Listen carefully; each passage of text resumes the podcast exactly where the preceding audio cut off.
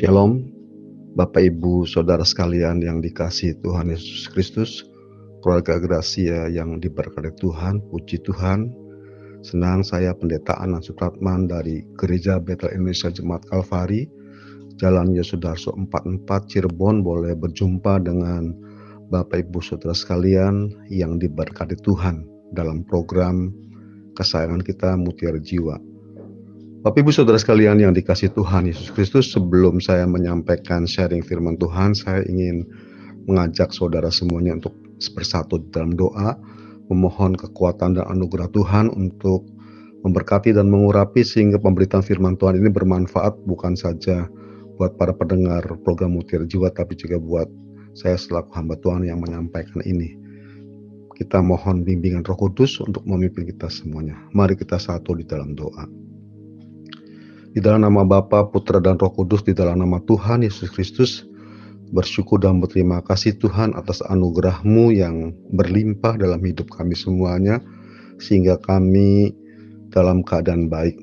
Walaupun juga ada beberapa saudara yang sedang mengalami masalah dalam rumah tangga, masalah dengan kesehatan, masalah dengan bisnisnya, masalah juga dengan pelayanannya, tetap satu hal kami tetap menyadari dan meyakini bahwa masalah-masalah yang Tuhan izinkan dalam hidup kami adalah sebuah alat bagi kami untuk kami menjadi lebih dewasa, memiliki berbagai macam pengalaman, diperkaya dengan persoalan sehingga kami mampu mengatasi masalah itu dan kami boleh menjadi saksi dan boleh menyaksikan kepada sidang jemaat Tuhan yang lainnya bahwa di dalam masalah ada Tuhan yang siap sedia selalu menolong kita.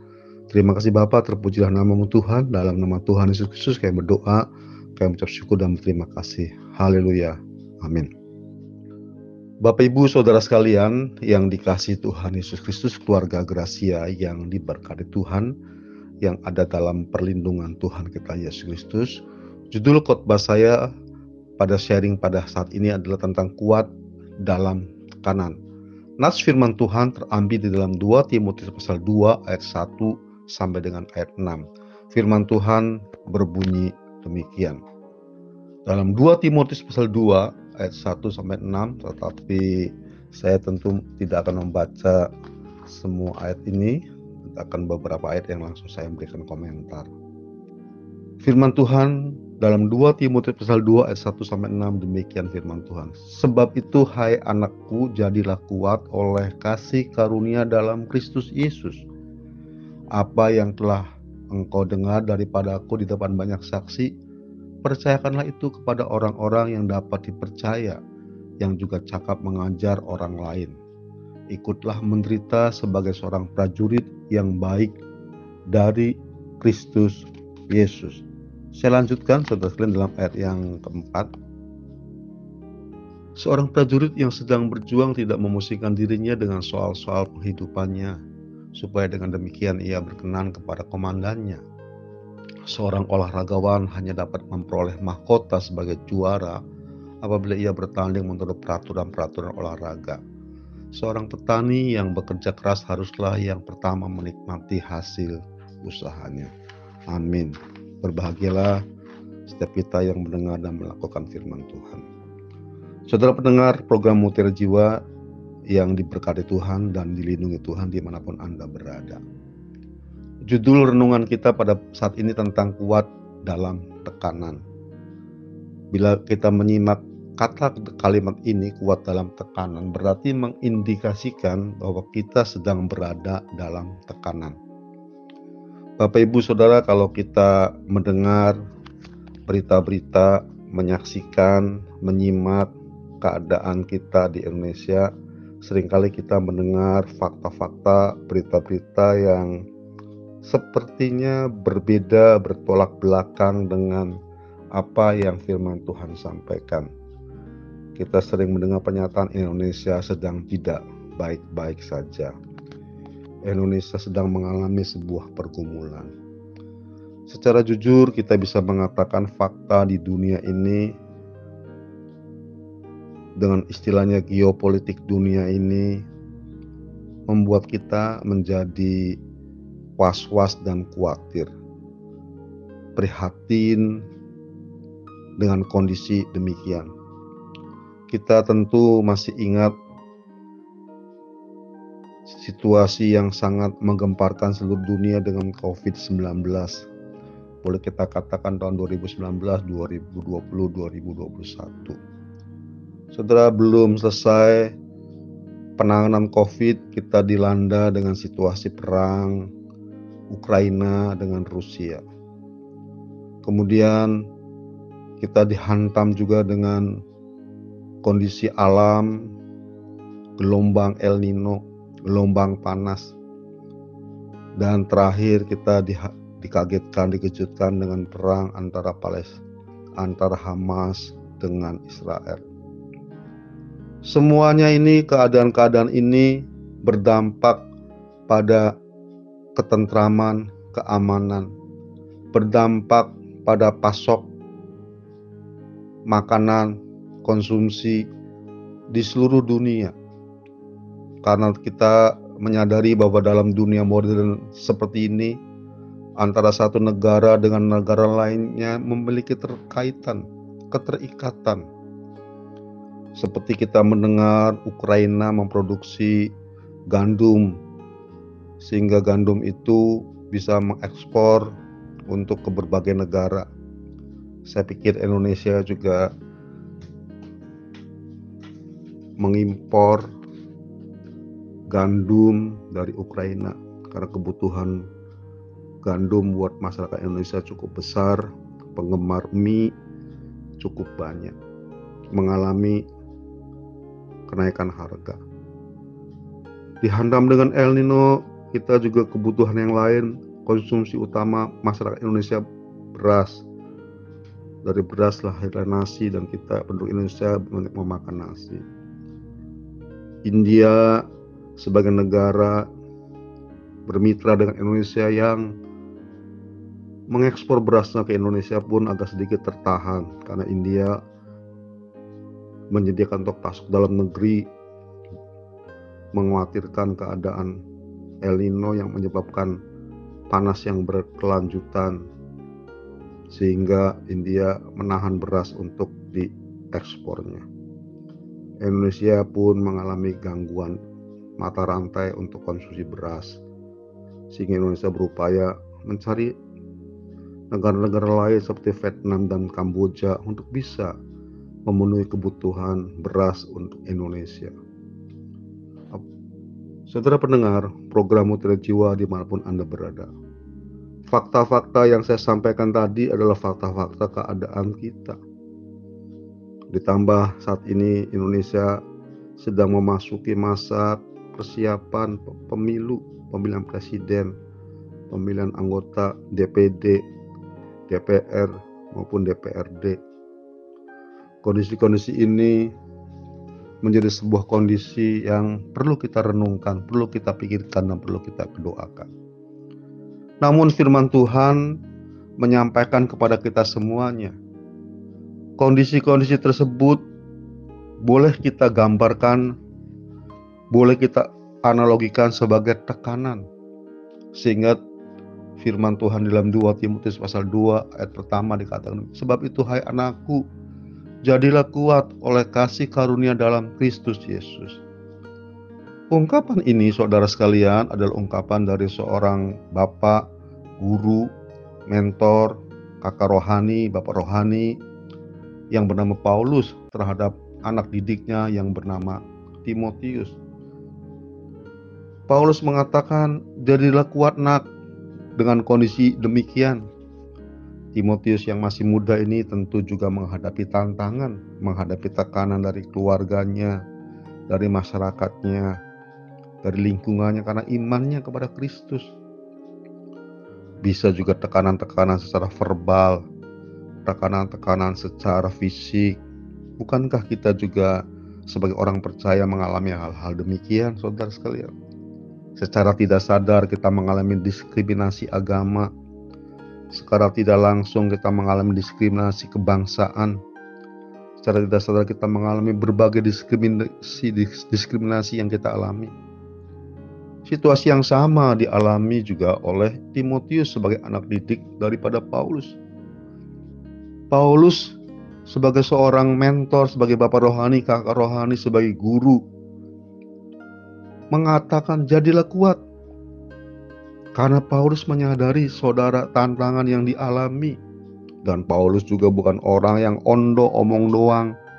Paulus juga pernah mengalami, pernah menikmati dalam tanda kutip tekanan secara fisik, terombang ambing keselamatan nyawanya di lautan, dipukuli, diintimidasi dengan kekerasan. Paulus pernah mengalami. Saudara sekalian pendengar program Mutiara Jiwa di mana pun Anda berada, baik yang sedang mendengarkan secara langsung atau nanti melalui live streaming di berbagai negara di dunia ini. Paulus mengalami, Paulus tahu, Paulus sadar bahwa tekanannya itu sangat berat.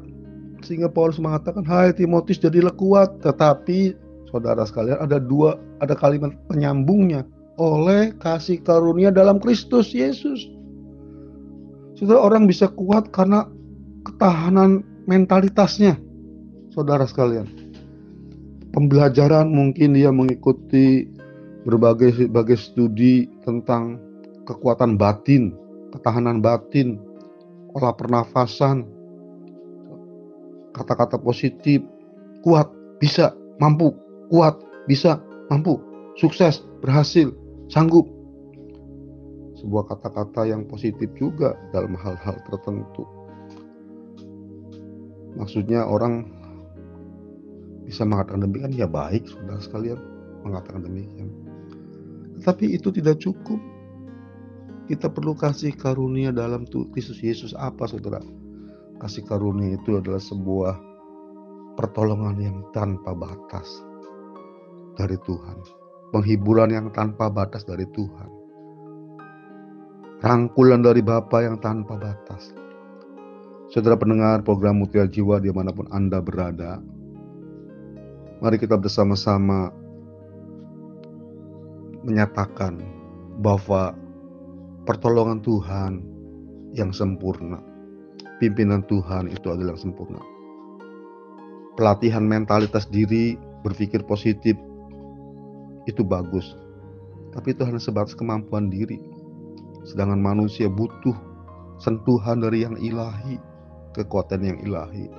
Kekuatan itu ada dalam Yesus Kristus, Tuhan kita. Saudara pendengar program Mutiara Jiwa di mana Anda berada, mari kita bersama-sama mengandalkan Tuhan. Di samping kita berupaya bekerja, mampu memikirkan hal-hal yang sedang kita hadapi ini, tapi kita mengandalkan Tuhan melalui pembacaan firman Tuhan dalam 2 Timotius pasal 2 ini ada beberapa hal contoh yang diungkapkan. Kita kuat dalam berbagai hal apa saja, aspek-aspek apa saja yang harus kita hadapi. Saudara pendengar program Mutiara Jiwa yang diberkati Tuhan.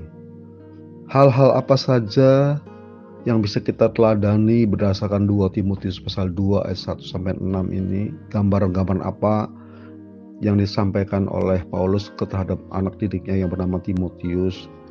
Saudara yang pertama dikatakan kita harus kuat seperti seorang prajurit yang berjuang. Firman Tuhan dikatakan demikian, ikutlah menderita sebagai seorang prajurit yang baik dari Kristus Seorang prajurit yang sedang berjuang tidak memusingkan dirinya dengan soal-soal penghidupannya, supaya dengan demikian ia berkenan kepada komandan. Teladan yang pertama, ketika kita menghadapi tekanan, kita harus memikirkan posisi saudara dan saya sebagai seorang prajurit, prajurit Kristus yang sedang ditempa menghadapi perjuangan hidup ini. Saudara dan saya hidup di dunia ini adalah sebuah perjuangan. Saudara dan saya ditempa dengan berbagai aspek kehidupan supaya kita kuat sebagai murid Kristus. Saudara, kita dikagetkan dengan berbagai peristiwa perundungan.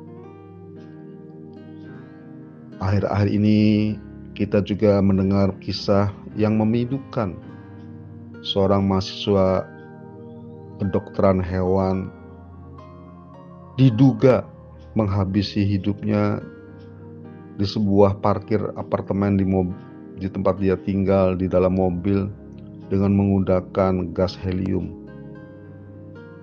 Kita menyaksikan juga di tayangan-tayangan televisi tentang seorang anak murid yang loncat dari lantai sekolahnya mengambil keputusan untuk bunuh diri karena diduga juga karena dibullying. Saudara itu adalah sebuah gambaran-gambaran kehidupan yang sedang terjadi di tengah-tengah bangsa kita, di tengah-tengah masyarakat kita. Tekanan hidup yang sangat kuat, tidak mampu menghadapinya. Setelah itu saudara pendengar program Mutiara Jiwa, mari saudara kita semuanya berperan sebagai mediator, berperan sebagai terang dunia, berterang berperan sebagai garam dunia, di tengah-tengah lingkungan kita, mari kita menebarkan kasih, menebarkan senyum, menebarkan pertolongan, menebarkan kabar sukacita. Siapa sangka, siapa duga ketika tindakan kita mengunjungi seseorang yang sedang dalam tekanan, orang itu dia butuh penghiburan dari kita firman Tuhan. Kuat di dalam kasih karunia Tuhan. Kuat di dalam kasih anugerah Tuhan Itulah tindakan yang harus kita kerjakan. Peran kita sebagai orang percaya, mari kita bersama-sama tidak berdiam diri saja menikmati berkat kasih Tuhan, menikmati kesehatan, menikmati umur panjang, menikmati kenyamanan keluarga, menikmati kenyamanan pelayanan. Saudara, mari kita bangkit keluar, perhatikan lingkungan kita, sekeliling kita, fungsi kita sebagai garam, sebagai terang dinyatakan, diaplikasikan di tengah-tengah masyarakat kita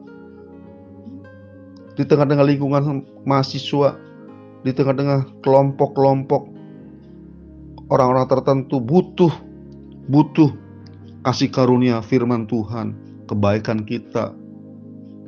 Saudara pendengar program Mutiara Jiwa dunia ini perlu sekali lagi dunia ini perlu kasih karunia Kristus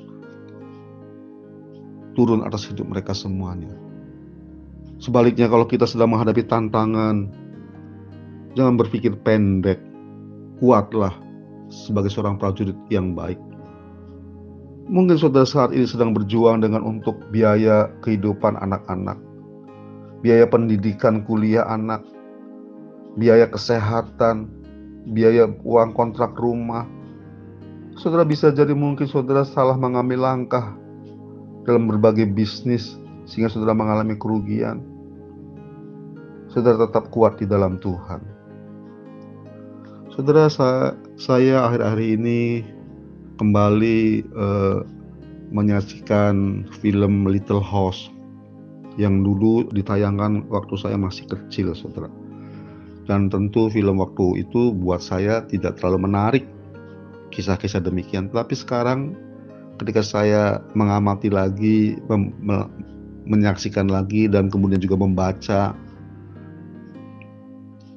bukunya tentang kisah Little House ini saudara sekalian dengan tokoh-tokoh aktornya Michael Michael London saudara sekalian dengan Paulanya dan sebagainya saudara. itu kisah-kisah menarik kisah kehidupan faktual sederhana dan aplikasinya problemnya itu hampir sama dengan sekarang ini saudara salah satunya tentang saya membaca sebuah kisahnya tentang bagaimana seorang dari salah satu keluarga daripada daripada Paula ini saudara sekalian. Dia mengambil keputusan untuk meninggalkan desanya karena desanya ini nggak bisa mengembangkan bisnis dengan membawa uang hasil penjualan tanah di desanya, mencoba peruntungan kehidupan di kota. Di kota dia kemudian mencari lahan pertanian dan dia menemukan lahan pertanian uang yang dia investasi uang yang dia miliki itu diinvestasikan terhadap lahan pertanian. Dia sudah menganalisanya sudah berpikir itu air itu eh, lahan pertanian itu dekat sungai sehingga suplai airnya cukup memadai untuk kebutuhan pertanian. Tinggal bagaimana memikirkan memindahkan air yang dari sungai naik ke parit-parit ke area pertanian. Saudara sudah memikir demikian tapi tiba-tiba waktu dia sedang meng, mau mengelola tanah pertanian ini ada ada dari pihak bank. Memang kurang jeli juga orang ini saudara Yang menagih bahwa area pertahanan itu sudah digadaikan oleh pemiliknya yang asli. Dan orang ini, saudara yang beli tanah yang baru ini harus menanggung beban bunga akibat tanah yang digadaikan. Dan pemiliknya ini sudah kabur. Tentu itu kisah tentang udah seribu tahun 1800 yang lalu sudah belum secanggih seperti sekarang ini tentu. Saudara itu lihat sebuah fakta kehidupan. Abad 18 18,5 itu saudara, mengalami situasi yang sama, bangkrut. Harus menanggung situasi demikian. Saudara mungkin juga saudara sekalian bisa juga dalam konteks sekarang saudara investasi kepada bank tertentu, kepada perusahaan tertentu. Ternyata itu bodong. Saudara keiming-iming dari WA yang mengaku nama seseorang yang saudara kenal investasi ke emas, ke logam mulia, ternyata itu penipuan. Atau juga ada loss loss scamming istilahnya. Saya pernah mendengar juga ada seorang yang cukup berpendidikan saudara sampai dia mau rela menceraikan suaminya karena dia seorang wanita ini akan dimuliakan di sebuah tempat di negara dengan kenyamanan ternyata ditipu juga sudah sudah kirim duit. Ini sebuah fakta-fakta yang terjadi di tengah kita. Kita harus bijak kita harus kuat.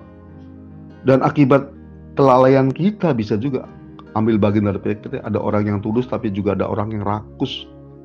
Kita mengalami tantangan. Situasinya tidak mengenakan namun mari kita bersama-sama kita harus tetap kuat dalam situasi ini Terlebih kita yang sedang ambil bagian dalam pelayanan proses pemberitaan Injil.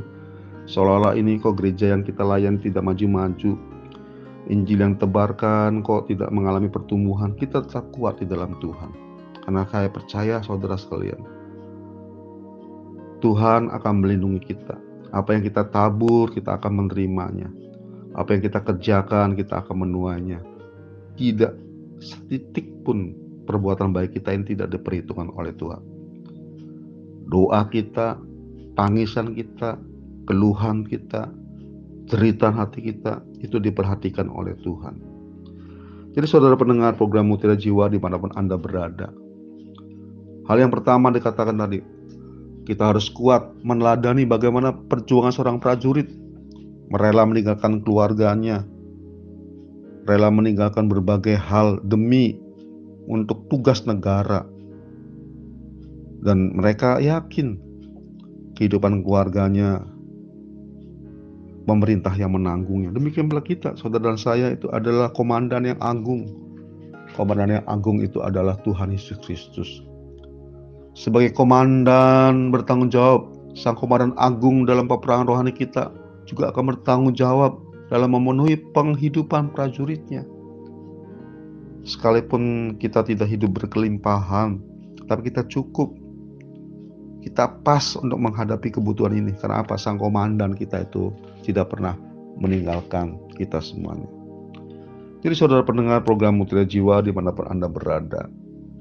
Dengarkan firman Tuhan baik-baik. Firman Tuhan itu ya dan amin. Kebenarannya pasti.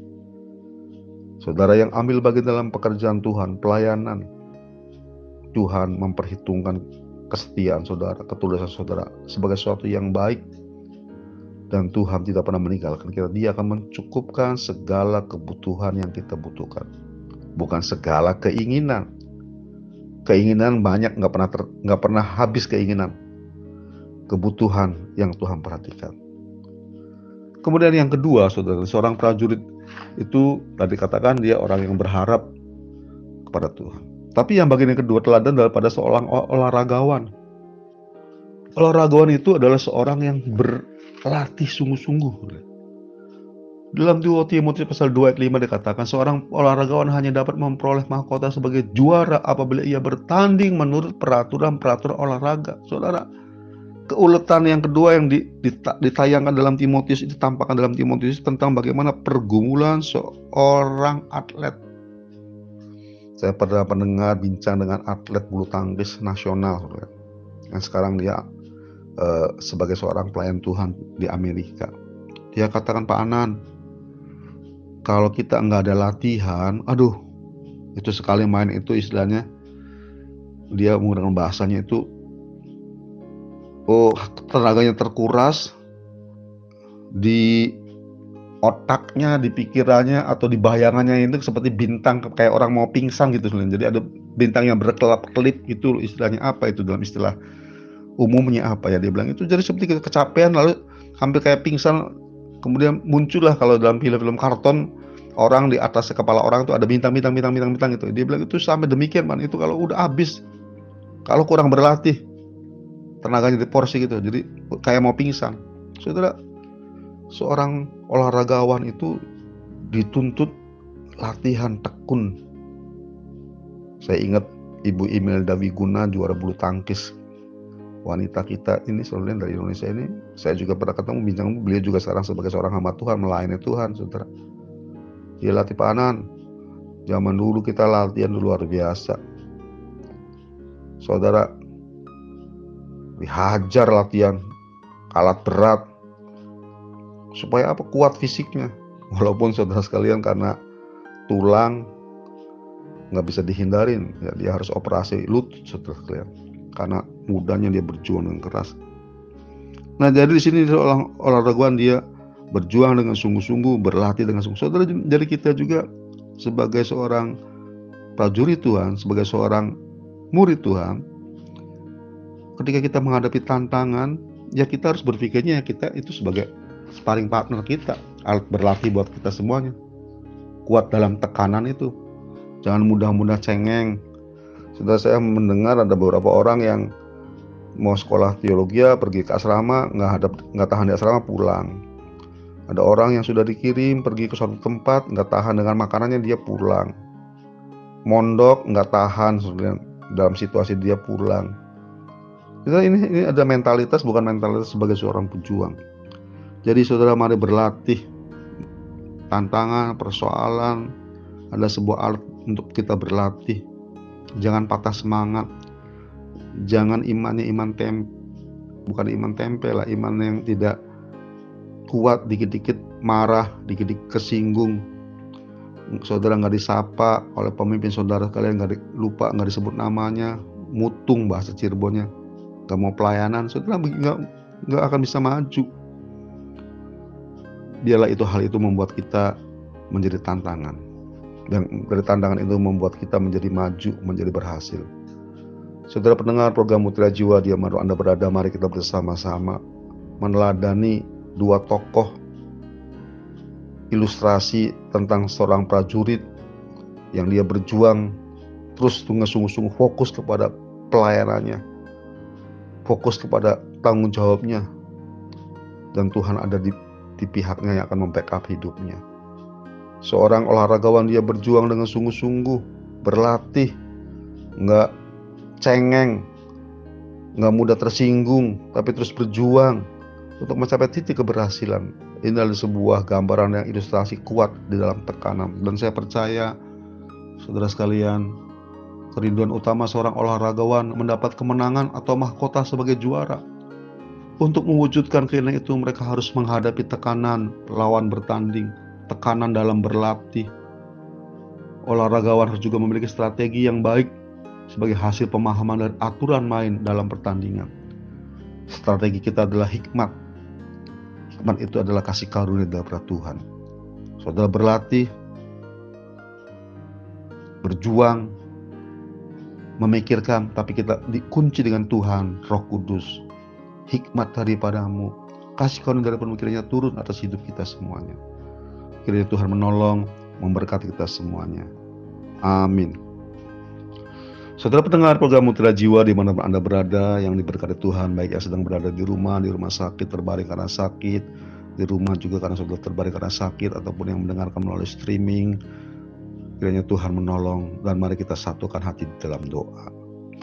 Bapa di surga di dalam nama Tuhan Yesus sama berdoa buat seluruh para pendengar program Mutiara Jiwa khususnya mereka yang sedang mengalami tekanan, tekanan ekonomi, tekanan secara verbal, tekanan secara fisik, nggak kuat menghadapi keputusan-keputusan yang harus diambil oleh seorang pemimpin menderita, susah, stres. Tuhan Roh Kudus hiburkan mereka. Jangan mereka patah semangat, berharap mengandalkan Tuhan Roh Kudus yang menghampiri mereka. Dan ketika mereka berharap kepada Roh Kudus hadir menjamah mereka. Hamba juga berdoa Tuhan mengutus seluruh anak-anakmu untuk turjun ke lapangan, bertemu dengan masyarakat, dengan lingkungan, dengan kelompok-kelompok. Siapa tahu di antara mereka yang sedang ada mengalami tekanan dan akan mengambil keputusan untuk bunuh diri Tuhan pakai pakailah anak-anakmu ini menjadi jembatan memberitakan kabar baik pelukan di dalam Kristus kasih Kristus mengalir sehingga orang-orang yang mau mengambil urusan, urusan bunuh diri tidak tidak jadi. Kiranya Tuhan penolong. Mau berdoa buat para pendengar kiranya Tuhan menyertai dan memberkati. Kami serahkan juga kru suara gracia Tuhan berkati. Bangsa Indonesia Tuhan juga berkati. Para pemimpin-pemimpin Indonesia ini. Khususnya Tuhan menghadapi pemilu Tuhan tolong. Sehingga semuanya boleh berjalan dengan baik. Terima kasih Bapak kasih karuniamu melingkupi kami, anugerahmu melingkupi kami. Terima kasih Bapak terpuji dalammu dalam nama Yesus berdoa. Haleluya, haleluya, amin.